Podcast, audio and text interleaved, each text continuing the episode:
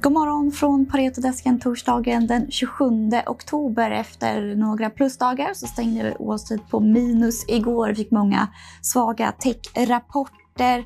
Alphabet rapporterade och föll 9% Microsoft föll 8% och Spotify föll 13% Vi fick också rapport från Meta som rapporterade efter stängning och föll i efterhanden. S&P förhandeln stängde på minus 0,7 Rapportsäsongen är i full gång och vi har fått alla storbankers rapporter. Kristin Dahlberg, hur har rapporterna varit?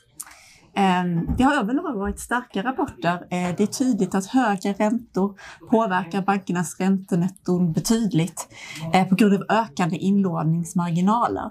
Samtidigt sjunker eh, bolånemarginaler och bolånetillväxten medan företagen lånar mer i synnerhet för att finansiera kortsiktiga likviditetsbehov.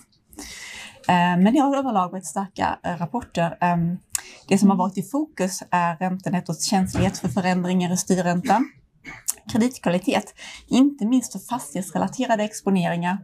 Eh, och vi har också sett att, att vi kan eventuellt få högre kostnadstillväxt på grund av inflation mm.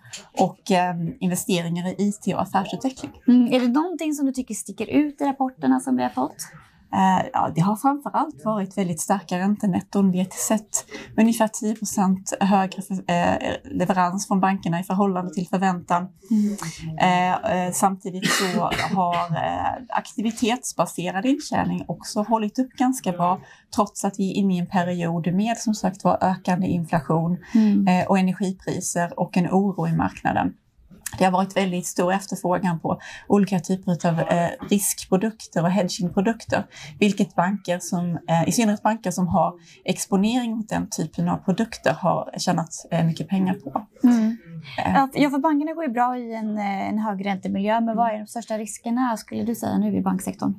Ja, det är ju eh, risken att kreditförluster kommer att stiga när räntan går upp. Mm. Vi har sett bankerna göra vissa justeringar av sina modeller, sina antaganden för hur man ska eh, rapportera för kreditförluster och underliggande så ser kreditkvaliteten förhållandevis god ut. Mm. Men eh, jag tror inte att vi har sett konsekvenserna av ränteökningarna riktigt hos företagen och hushållen än. Ehm, det kan komma att bli betydligt värre och då kan bankernas eh, kreditförlustreserveringar komma att behöva stiga och det kommer att påverka lönsamheten. Mm. Och vi har ju tidigare lyft fram Handelsbanken som ett av våra favoritcase. Mm. Mm. Efter rapporterna nu, är det fortfarande Handelsbanken som är en av favoriterna? Ja, jag tycker att Handelsbankens kreditkvalitet eh, gör banken till en väldigt intressant Eh, Eh, ett väldigt intressant alternativ för investerare som är fokuserade på att undvika risk.